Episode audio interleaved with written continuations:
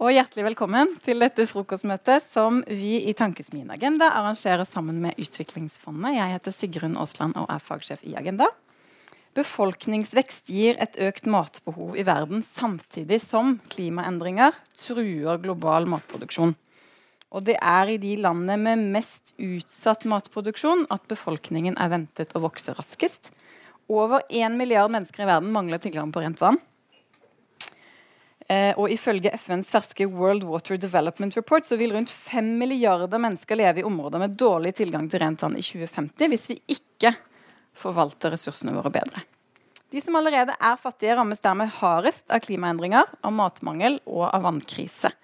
Her hjemme har Forsvarets forskningsinstitutt pekt på at mat faktisk kan bli en viktig del av vår beredskap når klima påvirker global matproduksjon. Klimaendringer øker sårbarhet og gir grobunn for konflikter som driver flere på flukt. Kan vi løse dette? Eh, klimaproblemet er globalt, og verdens matfat kan også fordeles bedre hvis befolkningen i rike land legger om sine matvaner. Um, Frøbanken på Svalbard, som også er litt foranledningen for dette møtet, og som har hatt jubileum i år, har vist at internasjonalt samarbeid og institusjoner kan styrke vår felles beredskap. og Det skal vi komme litt tilbake til senere. De er et eksempel på at det går an å tenke langt og ansvarlig når vi jobber sammen. Men i dag spør vi altså hvor redde skal vi egentlig være? Uh, og ikke minst, hva er det vi kan gjøre for å løse problemene? Dette skal jeg heldigvis få slippe å svare på selv. Jeg skal få god hjelp. Aller først eh, så skal jeg få lov å ønske velkommen opp på scenen eh, Lisa Sivertsen, som er leder for samfunn og politikk i Kirkens Nødhjelp. Og Kari Helene Partapuoli, som er leder av Utviklingsfondet. Velkommen til dere. Jeg tenkte jeg skulle begynne med deg, Lisa. Eh, går vi tom for vann? Og hvor er det verst? Hvor er det verst? Vi går nok ikke tom for vann, eh, men vi går, kan jo gå tom for rent vann. Eh, og det er jo allerede en stor andel av jordas befolkning som mangler rent vann. Eh, og prognosen fra FN er jo at halvparten av oss kommer til å gjøre det i 2050. Eh, for vann er jo, Vi har jo det vannet vi har i kretsløpet vårt. og vi kan ikke lage vann eller hente vann fra et annet sted, i hvert fall ikke enda kanskje i 2050. Um, så det betyr at uh, når vi uh, forvalter de vannressursene vi har uh, dårlig, som vi gjør i dag, så blir det mindre vann rett og slett å leve av. og det får jo dramatiske konsekvenser. Du nevnte det jo sjøl. det blir jo i større og større grad en sikkerhetspolitisk vurder, altså, en vurdering. det vil jo få store fattigdomskonsekvenser og store humanitære konsekvenser. Um, så spurte du hvor det er verst. Uh, det er verst i de tørre områdene i Afrika og i de uh, våte områdene i Asia. Uh, så det er på en måte, Du har jo Sahel-beltet rundt Sahara, som er kronisk uh, prega av vannmangel. Uh, og så er det også et kjempeproblem. altså Flom og vannmangel høres så rart ut, men flom eh, ødelegger jo. Eh, det forurenser jo vannet og vannsystemene. så det er Et land som Bangladesh også er veldig utsatt for, vann, for ja, mangel på rent vann. da. Mm. og Det er jo de fattigste som rammes hardest. Det er dem som er nødt til å bruke skittent vann og blir syke av det. det er dem som mister dyra sine når det er en tørke. Eh, altså Folk som har god økonomi, eh, kan eh, flytte, eh, kan importere vann, kjøpe vann. Eh, og kan avsalte vann, som Israel gjør, f.eks. Og Singapore eh, overlever jo i stor grad ved å avsalte havvann. Det er ikke bærekraftige løsninger. når vi har I framtida med befolkningsvekst så kan vi ikke få, skaffe oss vann på den måten. Det, da, da, tapper vi naturressursen vann. da. Mm. For det tredje ressursen som vi ikke snakket, har snakket om, er jo energi, som vi bruker mye av for å gjøre Ja, det er veldig energikrevende å drive med avsalting, f.eks. Så det, det, med de energiløsningene vi har i dag, så er det ikke bærekraftig. Men det er heller ikke bærekraftig å holde på å bruke vann på den måten, fordi, eh, fordi vi forurenser jo vannet eh, også. Skal, det kan jeg si litt mer om, kanskje. Ja, hva, kan, hvis du kan forklare liksom om hva, Hvorfor skjer dette? Hvorfor skal vi være mer redde nå? Og, og, ja. og hva er konsekvensene? Eh, det Hvis det skjer? Ja, det er fire årsaker. Det er både FN og flere eksperter som peker på det. Det er særlig fire årsaker til at situasjonen blir verre. Eh, og det, er, det, første er jo klimaendringene og ekstremvær, eh, som, som, gjør at det blir eh, altså, flere folk eh, får dårlig tilgang til rent vann. Uh, og så er det forurensning. Nå er det veldig mye fokus på plast, og det er veldig bra. Det er kjempeviktig. Uh, for det, det, ser, det, har jo kommet rapporter bl.a. fra Cicero om at uh, mikroplast og nanoplast fins i veldig mye av vannet på planeten vår. Men det er også en del andre forurensningskilder som er veldig viktig å ta tak i. Det ene er jo landbruk. Der har vi en kjempeutfordring. Og så er det også en del industrier som tekstilindustrien og gruveindustrien. Eh, den tredje grunnen er jo befolkningsvekst. Vi blir flere. Den gode nyheten der er at eh, ekspertene mener at vi likevel har vann til alle hvis vi forvalter det på en god måte. Eh, også det siste, sånn vi, vil, vi, vil, jo ha økonomisk vekst i f.eks. Altså kontinentet Afrika. Eh, men det vil jo også føre til en høyere etterspørsel og et høyere forbruk av vann. Så økonomisk vekst fører også til høyere etterspørsel etter vann. Da. Eh, og også mer sannsynlig mer forurensning av vann. Så vi er nødt til å gjøre noe annerledes enn vi gjør i dag. Det er ikke bærekraftig den måten vi forvalter vannressursene på i dag. Da. Eh, Kari Helene, vi må ha mat også. Eh, kommer vi til å klare å produsere nok mat? Jeg tror det er litt av den samme situasjonen som nå blir beskrevet på vann. Vi har nok, det er mye som tyder på at vi ikke har bærekraftige matsystemer på lang sikt. Og med det så er det litt ulike situasjoner i den rike delen av verden og den fattige delen av verden.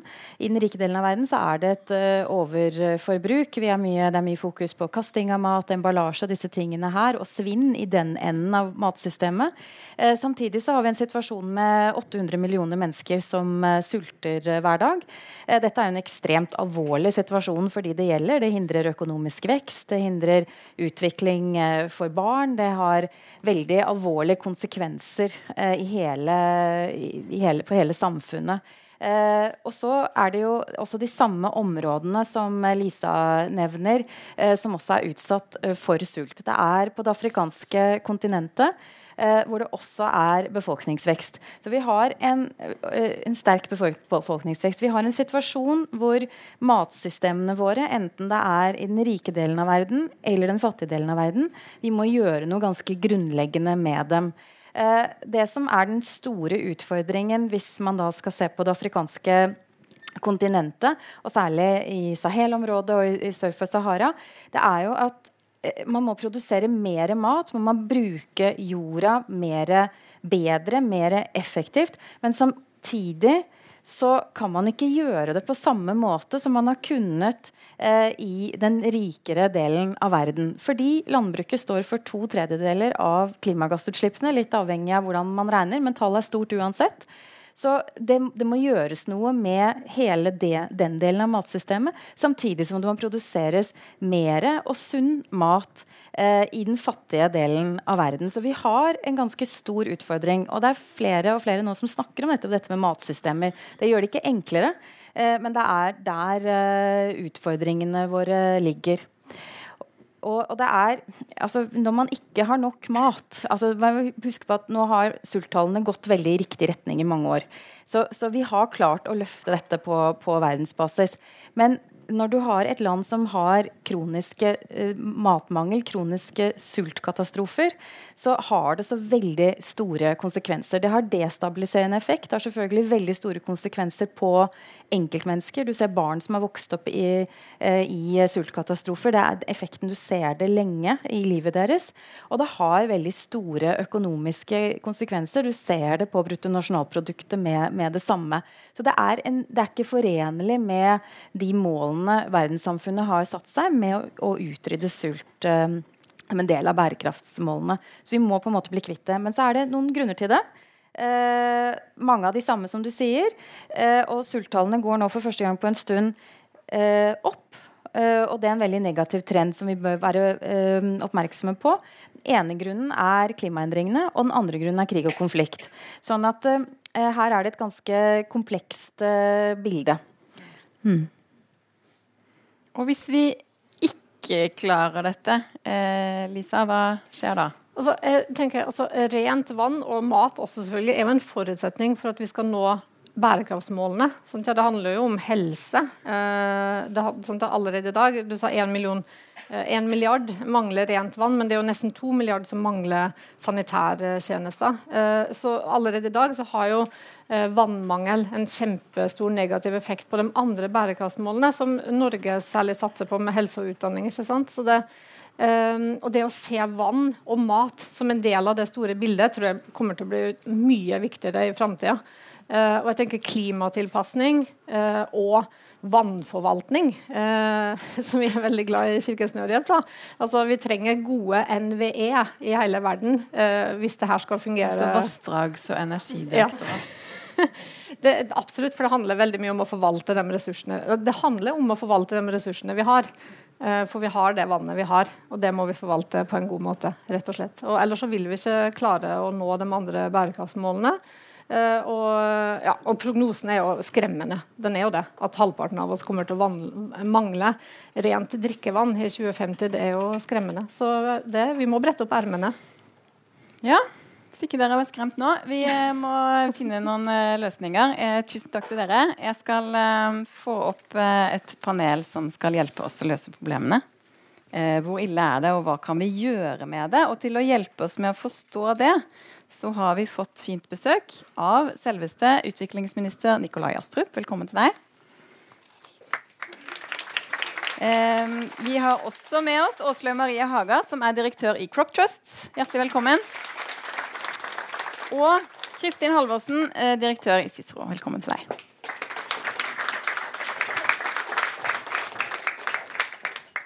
Jeg tenkte jeg skulle begynne med deg, Nikolai Astrup. Du har jeg sett har nettopp vært i Malawi. Der vi vel kan si at matmangelen er kronisk. Eh, hvordan vil du vurdere mat- og vannsikkerheten i de landene vi samarbeider med? Og blir du redd? Bør vi bli redde? Ja og nei. Det er absolutt grunn til å være veldig bekymret for den situasjonen vi ser. Samtidig så er det f.eks. i Malawi så har 80% tilgang på rent drikkevann. Så det er, eh, men de er veldig sårbare fordi de har et eh, landbruk som eh, ikke er basert på irrigasjon overhodet. Det er et selvbergingslandbruk, så hvis det da kommer tørke, så eh, får du også en sultkatastrofe. Og Det er jo utfordringen i veldig mange utviklingsland. er at 80% kanskje av befolkningen typisk jobber med landbruk. Av dem så jobber kanskje 90% med landbruk bare til seg selv. Uh, og det er klart at Hvis da avlingen svikter, så uh, får du en kjempekatastrofe. Så er vann også en kilde til uh, konflikt. Både konflikt om vannkilder, altså Nilen, mange andre områder, elver og områder i verden som har mye vann, er jo en kilde til konflikt. Og mangel på vann blir tilsvarende en kilde til konflikt og kan destabilisere land. Mm. Afrikas Horn har jo nå hatt en forferdelig tørke eh, over eh, flere år.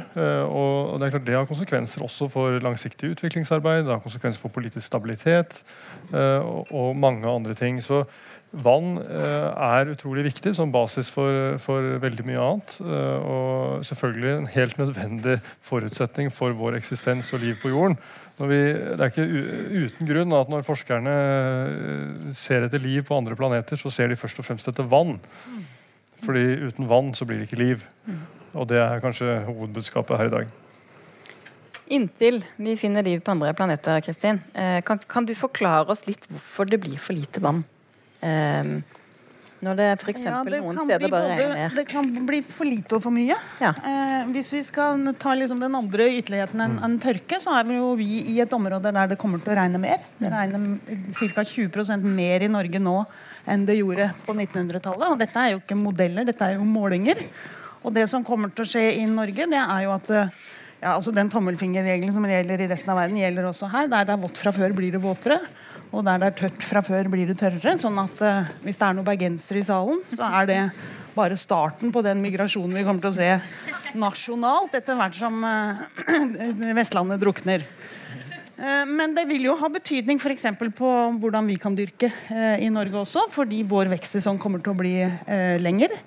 Men det kommer også til å være mange flere hendelser av ekstremnedbør sein eh, sommer, tidlig høst. Akkurat når avlingene skal inn. Så det er mye sånn tilpasning i forhold til jordbruk eksempel, mm. som vi også eh, må lære oss. Men store, si, de store farene er jo knytta til eh, tørke og hetebølger og, og mangel eh, på vann. Og etter hvert byer som mangler vann. Én ting er jo landbruket, men det er byer også. Det, det er jo to grunner måte, til at man kan mangle vann. Det ene er de fysiske, direkte konsekvensene av klimaendringer. Eh, som allerede er eh, belyst her. Men det andre er jo de økonomiske grunnene. Det er jo områder hvor det fins vann og tilgang til vann, men man, fordi dette er fattige grupper og ikke kjøpekraftige grupper, så har man ikke eh, tilgang til det likevel. Og det lar seg jo løse sånn på kort sikt. Men vannmangel eh, og tørkekatastrofer og hetebølger er en veldig veldig god grunn til at vi må klare å holde global oppvarming under to grader. Mm. NRK P2 sender aktuelle debatter fra ulike scener i landet. Du hører Debatt i P2. Åslaug, eh, dette er jo dystert. Er det, er det kriseforståelse nok om framtidas matproduksjon? Nei, vi tror ikke det i, i Crop Trust. Um, vi mener at uh, kloden aldri har stått overfor større utfordringer når det gjelder matproduksjon. Uh, og det er for det vi har snakka om. Altså, det er fordi at vi blir stadig flere mennesker. Vi blir en milliard flere innen 2030. Uh, og det er pga. klimaendringer. Um, og Det internasjonale klimapanelet har jo da sagt at for hver grad temperaturen øker på kloden, så går avlingene gjennomsnittlig ned 2% Noen kan produsere mer, andre produserer mindre. Gjennomsnittet er per grad 2% ned. Og når vi vet at temperaturen på kloden ikke øker med 1 grad Hvis vi er kjempeheldige, to-tre, mange deler av verden, de vanskeligste områdene for matproduksjon, vil den øke 4-5 grader. Og det er bare ekstremt eh, dramatisk, og jeg tror ikke vi tar det inn over oss. Og svarene må jo også finnes innenfor at vi kan produsere da nok mat, uh, og ikke nok, bare nok mat, men nok næringsrik mat innenfor rammen av hva kloden kan tåle. Uh, og da må vi legge om matproduksjon fra, fra det vi gjør i dag. Altså Svara fra den grønne revolusjonen de, de gjelder ikke lenger. Altså Vi må produsere mer mat, mer næringsrik mat, med mindre vann, på mindre landareal, etter alt å dømme, med mindre kunstgjødsel, med mindre sprøytemidler. Og det er bare ekstremt utfordrende. Uh, og så er det heldigvis sånn at det er noen uh, ting vi ikke har brukt uh, på den måten vi kan. og det er å utnytte det naturlige biomangfoldet. Vi har mista enormt mye biomangfold, men vi har fortsatt mye igjen. Og, det kan vi utnytte mye bedre enn vi gjør i dag. Men da må vi i hvert fall ha vett og forstand nå til å ta vare på det som er igjen. Vi skal komme litt tilbake til løsningen, men jeg har lyst til å spørre deg, og så skal du få kommentere også, eh, Nikolai Astrup. Eh, I utviklingsdebatten så vil jo nesten alltid noen si at det jeg jobber med, det er det aller viktigste, og det er en forutsetning for alt annet. Eh, men når vi snakker om vann, så er det kanskje litt sant. Det blir ikke det blir ikke mat uten vann, det blir ikke skolegang for jenter uten vann. Det, er ganske mye som ikke kan skje uten vann. Mm. Altså, jeg tenker at nesten alle disse områdene henger jo sammen. Uh, og det, uh, det, er det, er det fornuftige med hvordan bærekraftsmålene er innrettet sammenlignet med tusenårsmålene. Tusenårsmålene så skulle man jo løse én oppgave av gangen. Bærekraftsmålene anerkjenner at krever, det kreves en helhetlig tilnærming. Og det er litt som Da jeg da var i Malawi og, uh, så, og det er klart Malawi trenger veldig mange ting. Uh, og de trenger bedre skolegang og bedre helsevesen, og de trenger økonomisk vekst, nye jobber. Uh, det er en befolkningsvekst på 4,4% i året. De er 19 millioner nå, og kommer til å være 60 millioner mennesker uh, i 2050. Altså, det er så mye å ta tak i. Og så har du da i tillegg da landbruk og vann og, og, som, som, henger sammen. Men alt dette er på en måte Det kan, kan ikke løses som isolerte utfordringer hver især. Uh, og, og, det er det som, og her Vann er en sentral del, del av det. Ikke minst på, på, på landbrukssiden, matsiden, ernæringssiden. Uh, vi ser jo at i mange land så er 30-40% av barna er veksthemmet fordi de er feilernært. fordi det ikke finnes kunnskap om mat, fordi det produseres bare én type mat. Som i Malawi så produseres jo nesten bare mais. Og mais er vel og bra som en del av en helhetlig diett, for å si det sånn. Men hvis det er det eneste du spiser, så fører det til at barna dine blir underutviklet. Eh, med de konsekvenser det har. Og I mange utviklingsland nå så er det jo 30-40% av barna som er underutviklet. Jeg tror ikke vi helt tar inn over oss hva det egentlig betyr. Om 30 år, hvor er vi da? Og dette har med mat å gjøre. Um, men, eh, og jeg er helt enig, det er veldig mye som må gjøres. Øh, og, øh, men jeg, jeg finner noen eksempler på at det går an, og det gjør meg selvfølgelig optimistisk. Nederland har redusert vannforbruket sitt med 90% i landbruket. Det viser at det går an å produsere mer med mindre vann. og Det er en viktig lærdom også for utviklingsland. Eh, og Samtidig har de nesten uh, sluttet helt å bruke sprøytemidler. Og Det er også viktig. fordi Skal vi ta vårt type landbruk til utviklingsland, så må vi passe på at vi hopper over en del av de trinnene på stigen som vi selv har gått, og, og går rett på de riktige løsningene. For vi har gjort mye gærent, vi også. Selv med Senterpartiet i regjeringen. Ja, det, hender at Uh, og det, det, betyr at Skal vi utvikle et landbruk i, i u-land som, som, ligner mer på det vi gjør, så må vi hoppe over og, og, gjøre de riktige tingene med en gang. For vi har ikke tid til noe annet. Sånn er det bare. Og eh, Kristin snakket også om vann i byer. Vi ser jo nå Cape Town nærmer seg allerede eh, dag null, day zero, hvor det ikke kommer til å være vann i springen. Det er, når det rammer millionbyer så kommer det til å ha enorme konsekvenser. Og særlig hvis du da Én ting er de humanitære konsekvensene, som selvfølgelig er forferdelige. Men det, det, i seg selv kan jo destabilisere en hel region. Føre til krig, konflikt, eh, som jo vi forsøker å unngå som best vi kan. Og har store konsekvenser for, for uh, ikke bare denne regionen, men også resten av verden. Så dette er, dette er um, grunnleggende utfordringer. Det, det, er det som gjør, gjør det vi driver med, interessant. er det ikke det? Ja, nei, altså 40% av verdens vann brukes til landbruk. Og det, det, må rett og slett ned. Um, og det er fullt mulig å utvikle plantevarianter som trenger mindre vann. Um, og igjen, her har vi et potensial som ikke er utnytta.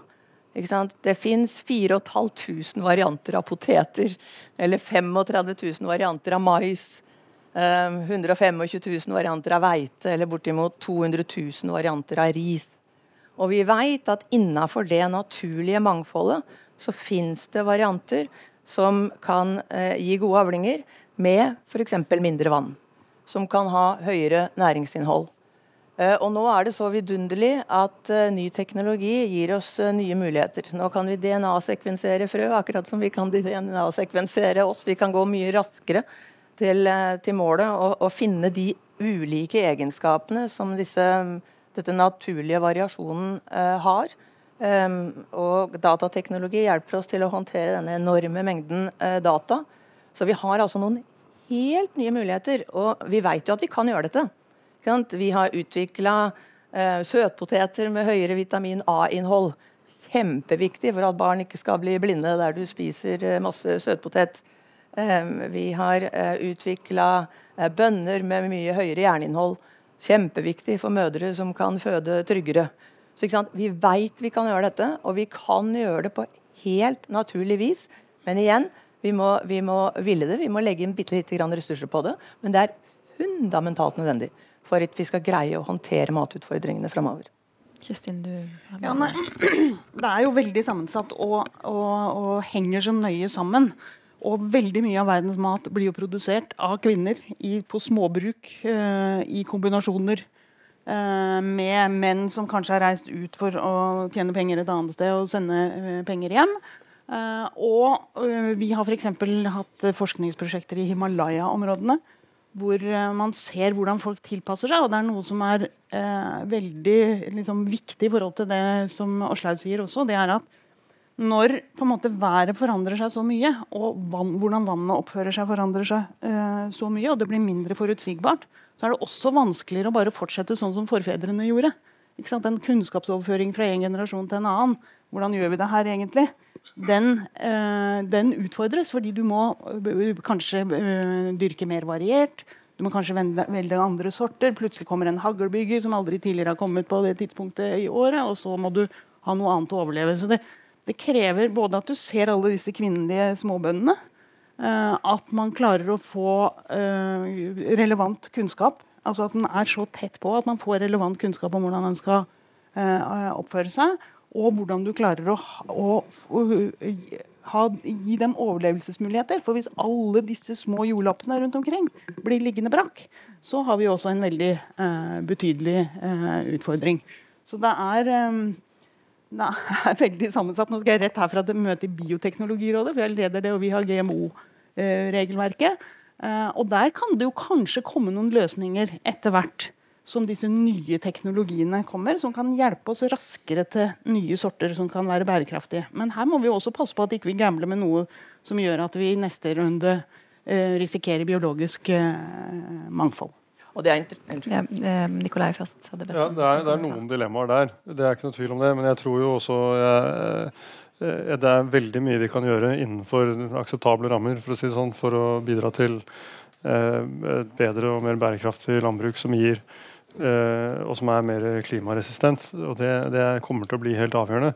Men én ting er hvis vi da lykkes da, med å sørge for at vi får en mer bærekraftig produksjon av mat i utviklingsland, med, og kanskje får vi irrigasjon, som, eh, da trenger man energi. Eh, da får vi høyere avlinger. Men så, hva skjer da med maten? 40% av det som produseres, blir ødelagt på vei til markedet.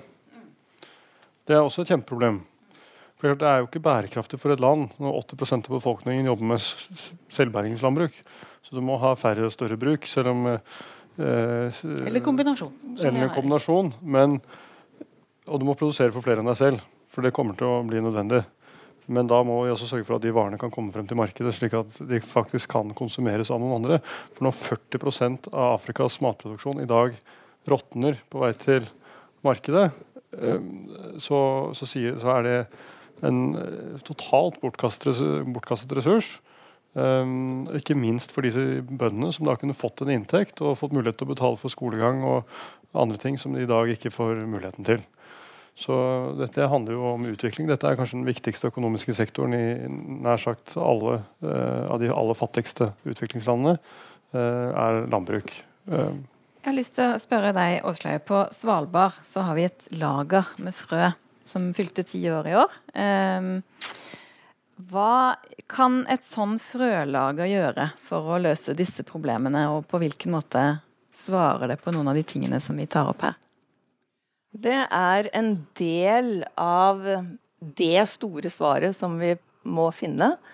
Um, frølageret på Svalbard um, er et backup-system for plantegenbanker rundt omkring uh, på kloden. Eh, vi har dette fantastiske biomangfoldet. Eh, mye er samla inn og ligger i plantegenbanker. Fundamentalt viktig for å krysse fram nye arter, som vi har vært eh, inne på. Eh, mange av disse plantegenbankene rundt omkring på kloden eh, de er i risikosonen. Og vi har et eksempel fra Aleppo i Syria. En av de viktigste internasjonale plantegenbankene um, var i Aleppo i Syria. Um, vi hadde jobba sammen med dem, sammen med den norske regjering og med Norgen i seks-sju år uh, for å sikre at uh, nesten alt materialet deres hadde en kopi um, på, på, Svalbard.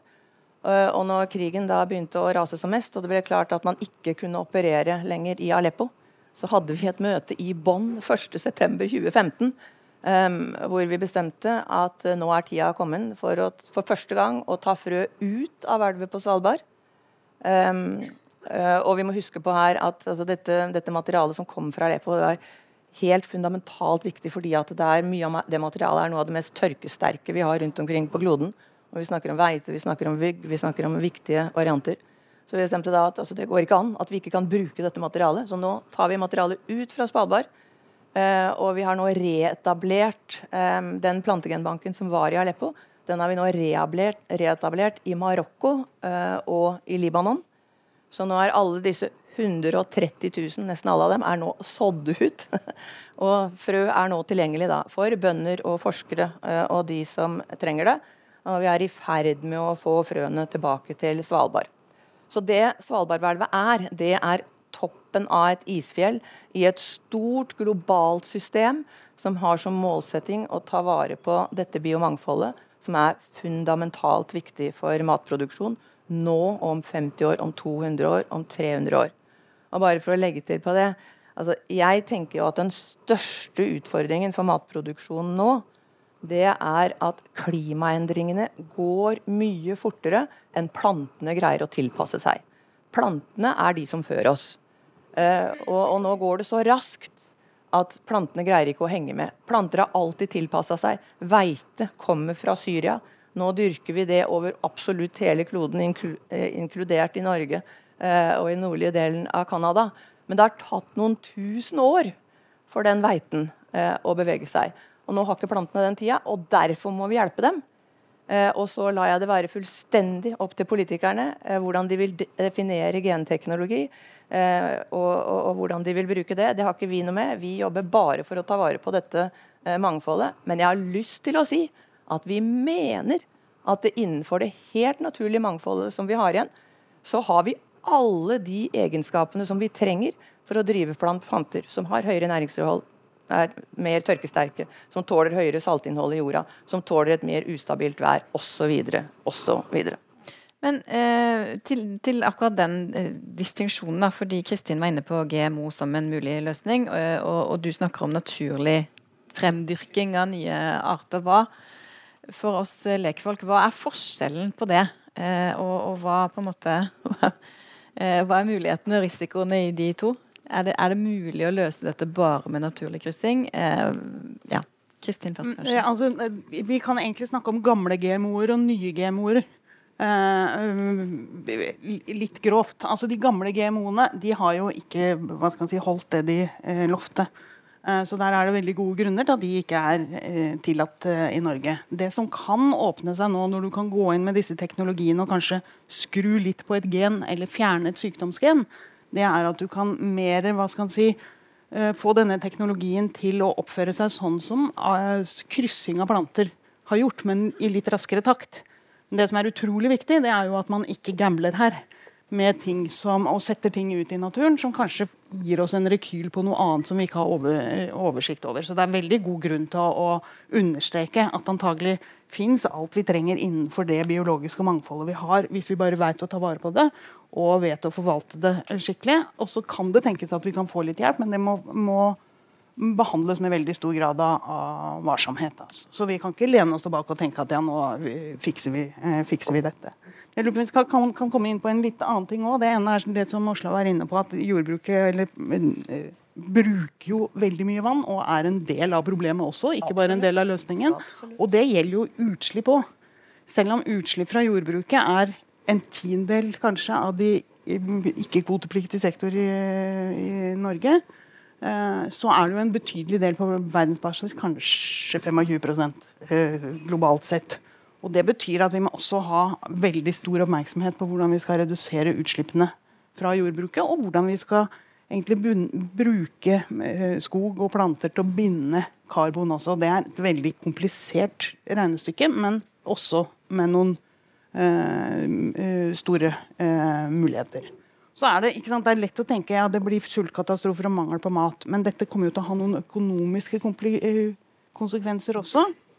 Eh, F.eks. at matprisene øker i, i eh, tider og kan destabilisere på den eh, måten. Så det er egentlig bare å, å sette i gang her og passe på. Altså. Når vi skal sette i gang, da, så hadde jeg et annet spørsmål til deg. egentlig. Lisa nevnte avsalt erstatting av vann som en veldig dyr og energikrevende og ikke bærekraftig løsning. Men hva er en bærekraftig løsning på mer og, mer og bedre fordelt vann? Ja, for det første er det å distribuere det vannet vi faktisk har, på en måte som uh, ikke er, uh, er, forurensende. For en del av de vannproblemene vi har, skyldes økonomiske årsaker og ikke fysiske uh, årsaker. Og så må vi begrense global oppvarming, for det vil føre til vannmangel i områder uansett. holdt jeg på å si, vi, ikke, vi kommer ikke til å klare å føre vann fram til Sahel eh, hvis de områdene eh, blir så varme og så tørre som, som en tre-fire graders global oppvarming vil bety. Da må folk flytte på seg. Og så kan vi gjøre noe innenfor, uh, innenfor det. Men det er sammensatt her. Jeg traff en, en, forsker fra Norges geologiske institutt som hadde uh, forska på vannmangel i, i, Vietnam. Og der har man jo pumpa på grunnvannet i et sånt tempo at hele landområdene synker. Uh, og det er ikke direkte kobla til klima. Men i kombinasjon her så får du jo en del sånne Eh, ekstreme virkninger. Altså som, som, betyr kanskje at veldig store av verden, eh, områder som produserer ris, plutselig eh, Ikke plutselig, men, men, kan komme i en helt annen situasjon. Så det er noe med at vi må se alle disse tingene sammen for å finne de gode løsningene. Og ikke Vi har jo et perverst forhold til vann. Vi har jo, jo men ubegrensa tilgang på rent vann. Det er bare Vi skjønner jo ikke hvor heldige vi er. Eh, men å behandle det som den utrolig verdifulle ressursen det er, det er jo det vi må rundt omkring i hele verden. Nikolai Astrup, eh, i 2004 det er lenge siden nå, så ga WWF ut en rapport med tittelen 'Tørke i norsk vannbistand' og pekte på at bistand til å sikre tilgang på vann har blitt stadig mindre del av, av norsk eh, bistand. Er det en utvikling som kommer til å fortsette? Det er, det er, riktig at hvis du ser på rent sånn vannformål, øh, så har norsk bistand ligget på rundt 200 millioner kroner i året siden år 2000. Eh, men jeg tror du også må se dette i et litt større perspektiv, som vi eh, snakket om. Eh, at dette har med, med, med klima å gjøre, det har med landbruk å gjøre. Uh, og det har med energi å gjøre. Det har med mange av de som, hovedprioriteringene i norsk bistand å gjøre. Um, så er det sånn Globalt sett så brukes det vel rundt 200, nesten 200 milliarder uh, kroner på vannformål i året. Så det er en betydelig innsats der ute. Det viktige er å få disse tingene til å henge sammen. Eh, for vår del så kommer vi til å vi kommer med en eh, opptrappingsplan for, eh, for klimatilpasset landbruk og matsikkerhet i revidert nasjonalbudsjett i mai. Og vi kommer med en handlingsplan for å koble både ernæring, klimatilpasset landbruk og sammen med, sammen med våre hovedprioriteringer. Den kommer i juni. Eh, så, så, dette er et område som, eh, som vi tar eh, kommer til å bruke mer legge mer innsats på fremover. Fordi det er et viktig og stort, stort område. Og for, som sagt fordi det, det, knytter seg inn mot så mange av de bærekraftsmålene som vi er nødt til å nå. Åslaug, når du har han her, da, denne opptrappingsplanen. Du snakket om biomangfoldet som kan bygges opp og styrkes. Hva må, hva må ligge i den planen for at det skal bli mulig? Ja, Der har vi mange gode ideer. Men hvis jeg får lov, så må jeg nesten få skryte litt av eh, den norske regjeringen og tidligere norske regjeringer. Um, og det, de skal gjøre mer av, av, det de har gjort. Um, vi snakker um, nå om, om, om, vann og ta vare på vann, og det trenger vi som en del av denne planen din, uh, Nikolai. og uh, der blir det gjort en innsats uh, med utgangspunkt i det vi driver med. Eh, Norge har nå støtta eh, på sjuende året, og det er, en, det er et tiårsprosjekt. Det er helt fantastisk. Hvor vi, eh, vi driver med noe som heter ville slektninger. Og ville slektninger er ikke svensker. Det er i denne sammenhengen Det er, eh, det er ikke bergensere. I denne sammenhengen så er det ville slektninger av de domestikerte plantevariantene. Eksempel en veite som har bodd oppå en fjelltopp i 4000 år. Uh, den trenger ikke å se ut som en veite, den trenger ikke å gi noen avling. Uh, men det er genetisk sett en veite. Den veiten er vi kjempeopptatt av uh, å samle inn og få inn i plantegenbanker og bruke dem i foredlingsarbeid. Fordi at Hvis den veiten har bodd oppå fjelltoppen her i 4000 år, så er det sannsynlig at han trenger lite vann. Og Norge har altså finansiert et stort prosjekt hvor vi har gjort et kartleggingsarbeid globalt. Eh, tatt de 29 viktigste matplantene og sett hvor er det vi kan finne denne type ville slektninger som har helt unike egenskaper, og som kan bidra til game changers når det gjelder eh, hvordan disse plantene kan forholde seg f.eks. For i forhold til vann. Det, så nå har vi gjort innsamlingsarbeid i 24 land, oppå fjelltopper, ned i daler langs eh, elver. Um, dette er nå i ferd med å bli tatt i bruk gjennom pre-breedingsprosesser. Glem det. Men at, at, det kan brukes både direkte av bønder, vi har et prosjekt på det, og, og av, uh, av, forskere. Altså Det Norge har gjort på det feltet der, og som dere følger opp, det er helt strålende. Det gjør bare gjøres mer av det. Og det er å ta på alvor at det er biologien som til sjuende og sist uh, styrer matproduksjonen. Så uh, fortsett uh, på den, uh, den gode, gode, veien. det er et av min, mine råd. Og jeg skjønner at man må både i en sånn plan jobbe med kortsiktige ting og langsiktige ting. Og så håper jeg intenst at man ikke glemmer de langsiktige problemstillingene.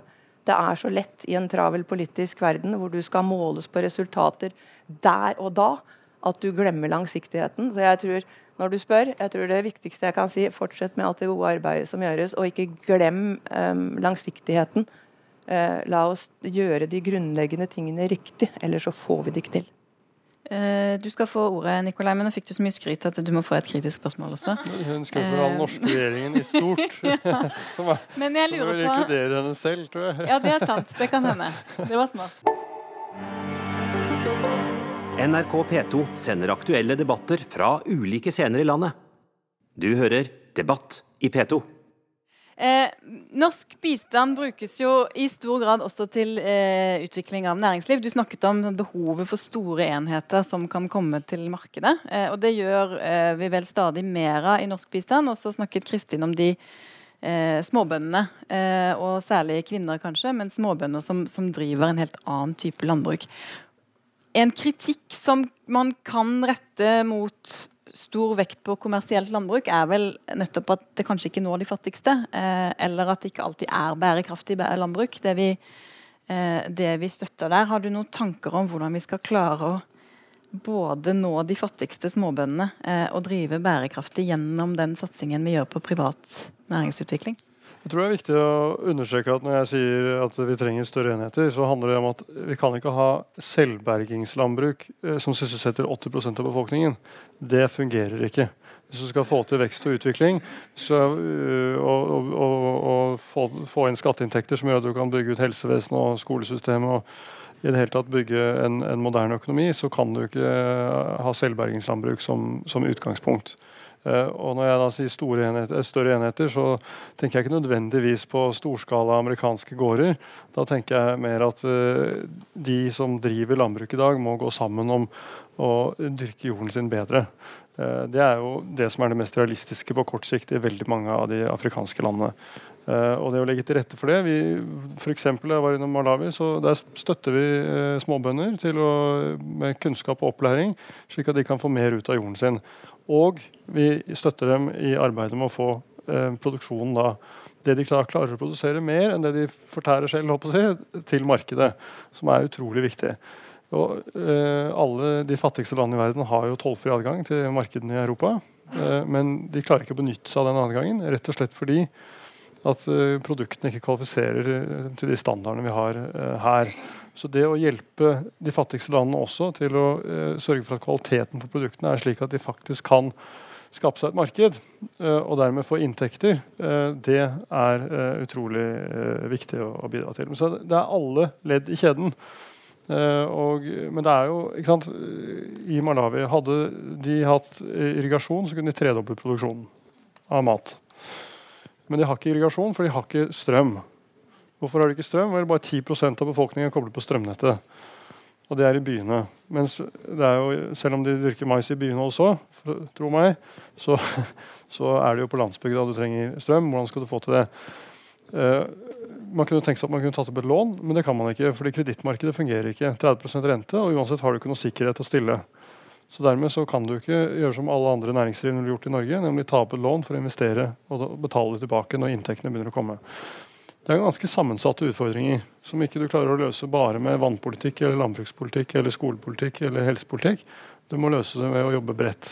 Og, Det illustrerer jo også litt av den, den, enorme utfordringen som vi står oppi når vi skal ta, bidra til at et land kan gå fra å være et av verdens fattigste land til å bli et mer utviklet land. Det er en kjempeoppgave.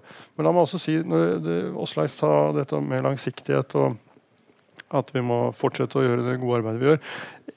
Én ting som har stor betydning for vann, det er skog. Det å bevare verdens tropiske regnskoger er utrolig viktig for eh, nedbørsmønsteret i hele verden. Eh, når amerikanske bønder har enormt stor glede av Amazonas. Mye større glede enn det jeg tror de vet. Eh, og det at vi har gjort den innsatsen vi har gjort, og bidratt til å sette eh, redusert avskoging på kartet eh, gjennom klima- og skogprosjektet, og med et bredt politisk flertall. Det har vært utrolig viktig. Det initiativet feirer også ti år i år. Siden opprettelsen. Og er et eksempel på langsiktig engasjement som virkelig har satt sine spor. Eh, vi skulle selvfølgelig ønske at vi hadde fått enda bedre resultater, fått med oss enda flere. Det hadde blitt en større dugnad. Eh, men kanskje et av de aller viktigste klimatiltakene og biomangfoldstiltakene som noe land har iverksatt, er nettopp det å eh, bidra til å ta vare på regnskogen. Ja, og jeg er jo 100% enig i, i, det du sier der, Nikolai, om, om skog. Um, samtidig er det viktig å huske på at matproduksjon vil alltid vinne. Hvis vi ikke greier å finne kloke måter uh, å produsere mat på, så vil landbruksarealene ete seg inn i skauen. I, tropisk skau. De vil ete seg inn i våtmarker. Altså Det vil bare skje. For hvis ikke folk har mat, så tar man ikke hensyn til eh, tropisk skog eller annen skog eller våtmarker, dyr, whatever. Men utfordringen der, jeg kan bare skyte en utfordring der er jo at dagens landbruk i veldig mange land er ekstremt ineffektivt. Og Det gjør at istedenfor å dyrke den jordlappen du har på en bedre måte, med en mye større avling, ja, så svir du av skogen ved siden av, og så dyrker du på nytt der. Så dette handler jo om, eh, Du må ha en helhetlig tilnærming til det. Det er jo ikke matmangel på jorden i dag. Eh, og det er nok landbruksjord. Sånn at vi, vi må, det, det, er vi vel antagelig enige om, men det å kunne bevare begge eh, altså Både dyrke den jorden vi har bedre, og ta vare på skogen, eh, det er to størrelser som er helt fullt ut forenlige. Det bør være forenlig. Per i dag er det ikke forenlig, men det bør absolutt være forenlig. Men um, et hovedproblem her er jo også da, uh, at altså, mer enn 50% av maten vi spiser globalt, kommer fra fire arter. Altså fra mais, eh, fra hveite, eh, fra soyabønner og ris. Ikke sant? Fire arter. Det gjør oss altså ekstremt sårbare. Det er mindre enn 30 planter som bidrar til eh, 95% av maten vi spiser. Så vi er blitt så enormt sare, så vi må snakke om diversitet, om mangfold. Både i form av at vi må ta vare på mangfoldet innenfor artene, som gir oss muligheter til å utvikle nye varianter. Men vi må også snakke om eh, at vi må legge om dietten globalt, sånn at vi bruker et uh, større mangfold. Uh, og historisk har vi spist rundt 7000 planter i, på kloden. Og nå altså er det fire som før oss. Så dette må bare gjøres annerledes. Vi har et matsystem i krise. Og en, en, en del av svaret ligger på å utvide mangfoldet også i forhold til diett. Kristin. Så sender vi jo mye proteiner gjennom dyr. Uh, sånn at det er jo helt riktig at vi har mat nok hvis vi legger om forbruket og, og tenker annerledes rundt det. Og det syns jeg jeg ser en veldig hva skal Jeg si, jeg tror det kommer til å skje veldig mye på dette, på dette området. og så tror jeg at det er sant, det der med å ha det er veldig lett å tenke seg at, eller bare skal til å glemme disse småbøndene når vi eh, snakker om jordbruk og effektivisering også. fordi Hvis du driver etasjejordbruk i områdene rundt Himalaya, det er begrensa hvor mye effektivisering du får på, til på disse små lappene. Og selvsagt er det folk som gjerne sant, de ønsker seg det som alle andre ønsker seg. Og hvis ikke det er mulig å få til i en kombinasjon der, så kommer de til å flytte til byene. Og det kommer til å være en veldig betydelig Eh, utfordring for oss, for da blir all den landjorda liggende brakk. Og det er kompetanse som går så fort uh, tapt. Og veldig vanskelig å si at nå må vi ut og, og ta det til, liksom, i, igjen. Så å ha den muligheten til at disse småbøndene, som som regel er kvinner, har mulighet til noe med attåtnæring som gir dem cash, sånn at de har mulighet til å liksom, realisere noe av, av drømmene sine. Og at disse mennene som reiser ut veldig mange steder, eh, har mulighet til å De kommer tilbake med skinnjakke og motorsykkel til bygda og er eh, eh, tøffe karer. Men at de har den, den, muligheten til å få dette til å gå rundt og, og realisere noen av drømmene sine der, det er utrolig viktig. Bare en sånn liten ting. Hvis du driver det tok antagelig fire døgn å gå til nabolandsbyen i mange av de stedene som jeg var og møtte i Himalaya. Og nå har de fått mobiltelefon. Så ringer de bare over. ikke sant? Åssen er det med Regner det hos dere, eller åssen er det? Det er fantastisk. Så det er jo noen sånne helt enkle ting som kan gjøre at ting blir veldig mye enklere. Og hvis vi også får mer kunnskap om hvordan været forandrer seg, for det er mer uforutsigbart Det kommer, ikke? Det kommer regnskyll og haglbyger og tørke og uh, alt dette greiene her. Ved hjelp av en, av en, mobil og noe Yr-lignende greier går det an å få informasjon fram til folk på, en, uh, på, måter som gjør at man kan klare å tilpasse seg hvis vi også får kompetansen uh, på plass. Så det ligger, det ligger masse uh, muligheter her, men vi må ha kunnskapen og vi må sørge for at vi har dette biomangfoldet. Og vi må vite mer om hvordan vannet oppfører seg i atmosfæren. Og det er en av de tingene som som vi forsker på. Og jeg blir overraska over at vi, vi, vet det store bildet, men veldig mye av dette kommer til å være mye mer lokalt. Eh, hvordan vann oppfører seg, og hvordan nedbør kommer til å komme. Og der må vi sørge for at vi har god kunnskap, sånn at folk har muligheten til å, å klare å tilpasse seg uten, å gå, altså, uten at katastrofer rammer dem på en sånn måte at eh, de mister alt ikke sant, og må flytte og ja, sånne ting. Mm. Eh, jeg har lyst til å spørre dere alle. Nikolai, du var inne på utvikling bærekraftsmålene. I 2015 så ble altså verdens ledere enige om at alle mennesker skulle sikres tilgang til rent vann innen 2030. Eh, blir det nok mat og vann til alle innen 2030? Jeg tror jo at det kommer til å være nok mat i 2030. Jeg tror det kommer til å være nok vann i 2030. Spørsmålet er om det er fordelt på en slik måte at det kommer hver, hvert enkelt menneske til gode. Uh, og Det er jo en utfordring vi ser allerede i dag. At uh, I Norge så vi, vi, føler vi, kommer vi i hvert fall nå utover våren til å føle at vi har for mye vann. tror jeg. Uh, og Noen har allerede kjent på det allerede. Um, mens i Sør-Afrika så føler de på at de har for lite vann. Uh, og Den ujevne fordelingen tror jeg kommer dessverre til å uh, fortsette lenge. Vi må selvfølgelig alle gjøre det vi kan for å bidra til at uh, vi løser den grunnleggende utfordringen dette er.